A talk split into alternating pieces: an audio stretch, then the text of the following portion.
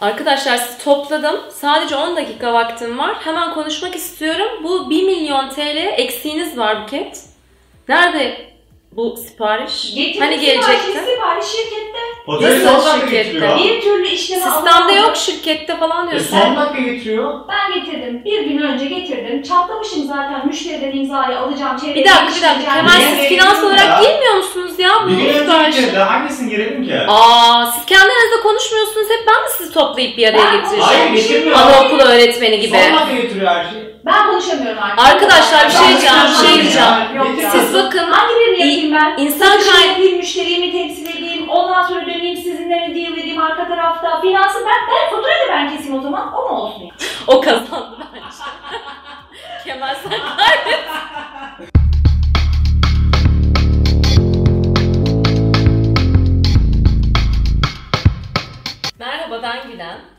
Departmanlar arası kavga videosuyla karşınızdayım. Farkındaysanız roleplay'imize bir başka misafir sanatçı katıldı bugün. Onun sayesinde departmanlar arası kavgayı size gönül rahatlığıyla şöyle böyle canlı canlı bir yaşattık efendim. Normalde tabii şirketlerde bu denli böyle hararetli kavgalar yaşanmayabiliyor. Biz daha böyle kibar kibar, daha böyle ustaca laf geçirmeli, ima etmeli falan yapıyoruz o kavgaları. Ama özünde bunlar kavga ve bizim bayağı bir şirket olarak verimliliğimizi ve verimliliği hadi bir kenara alalım aynı zamanda psikolojimizi etkiliyor. Peki ne oluyor da biz bu gruplaşmalara giriyoruz? İşte finansçılar şöyle, satışçılar böyle falan gibi lafları söylerken buluyoruz kendimize. Bunun temelinde ilkel beynimiz yatıyor. Biz maymunlardan bir tık daha sadece evrimleşmiş canlılar olduğumuz için İlkel beynimiz aslında en ufak durumlarda bile çok rahat tetiklenebiliyor. İlkel beynimiz o kadar çok şeyi tehdit olarak algılıyor ki. Mesela işte sen bu işi doğru yapmadın dendiğinde bize hop biz statüden tetikleniyoruz. Statüden tetiklenmek ne demek? İşte eski kabileleri düşünün ilk çağlardaki ya da maymun kabilelerini düşünün.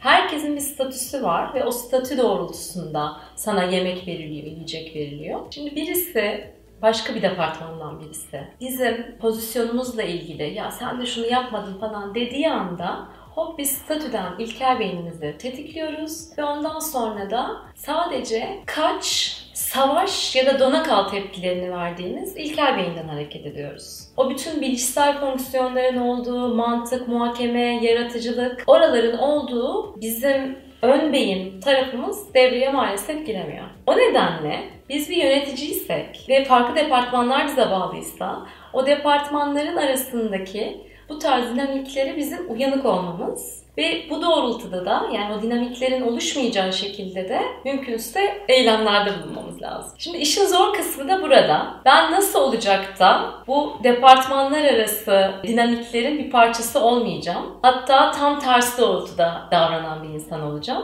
Bunun için ben hangi konularda taraf oluyorum? Hangi konularda bazı insanlara, bazı davranış şekillerine daha meyilliyim, onları kayırıyorum. Bazılarını daha böyle ittiriyorum. Onları bilmem gerekiyor. Ve insan olduğumuz için de çok çok çok çeşitli şekillerde bazı şeyleri biz daha kayırıyoruz, bazılarını kayırmıyoruz. Zannediyorum Harvard'ın bir testi vardı. Farklı şekillerde sen ne kadar ayrımcısın, ne kadar az ayrımcısın onu ölçen bir testti. Onun linkini de koyarım eğer bulursam aşağıya ve o testi yapabilirsiniz eğer İngilizce olarak yapmak istiyorsanız. O testte insan şunu görebiliyor. Ben aslında farklı mesela etnik gruplara hiç ayrımcı değilim zannederken ayrımcı çıkabiliyorum o testte. Şimdi bizde ülkemizde çok etnik durumdan ayrımcılık gibi bir durumumuz yok bizim. Ama biz de farklı hayat şekillerini kayırabiliyoruz mesela. Eğer içki içmeyi, pro içmeyi seviyorsak içki içtiğimiz, pro içtiğimiz insanlardan bir kendimize grup oluşturup onlarla takılıyoruz. Ve aslında o ayrımcılığı şirket içinde tetikleyen insanlardan biri olmayı seçiyoruz. Hiç de farkında olmadan. Şimdi şunu dediğinizi duyar gibiyim. E, evet ben sonuçta belli insanları daha çok seviyorum şirkette. Ne yapacağım ki? Diğer insanları zorla seveceğim mi? Ya da diğerlerini daha mı az seveceğim? Tabii ki öyle bir durum da çok söz konusu değil. Ama ne yapabiliriz? Şunu yapabiliriz. Şunda olabilir odağımız. Ben acaba insandan insana mı ilişki kuruyorum karşımdakiyle? Yoksa onu X işi yapmakla görevli bir nesne olarak mı görüyorum? Genelde o zaman kendimi de nesne olarak görüp nesneden nesneye ilişki kuruyorum. Nesne derken yani bunun alt açılımları ne? İşte görev, e, sonuç odaklılık vesaire gibi şeyler bunun altında.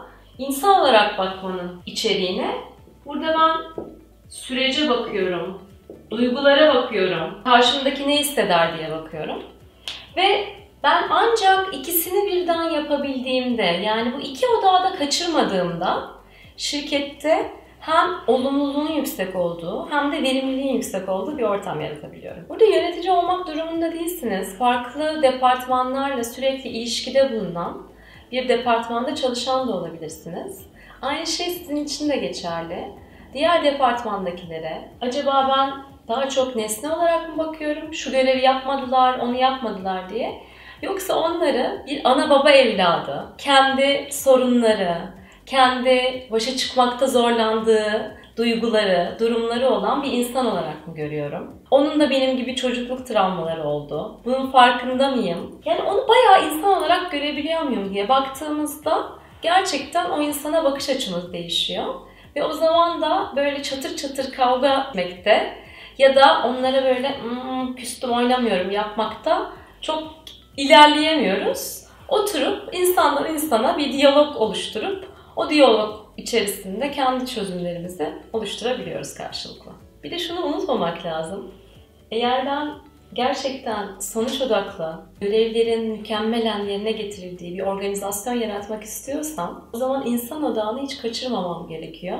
Ve hatta ben şöyle düşünüyorum. İşlerin aslında yaratıcılıkla, verimlilikle yapmasının yolu yüzde belki 20 buradan geçiyor, yüzde 80 buradan geçiyor. O yüzden hem insan odağını hem de nesne odağını kaçırmadığınız güzel bir hafta diliyorum hepinize. Bu videoyu beğendiyseniz kanalıma abone olmayı, videomu beğenmeyi ve ayrıca yorum yapmayı sakın unutmayın tamam mı?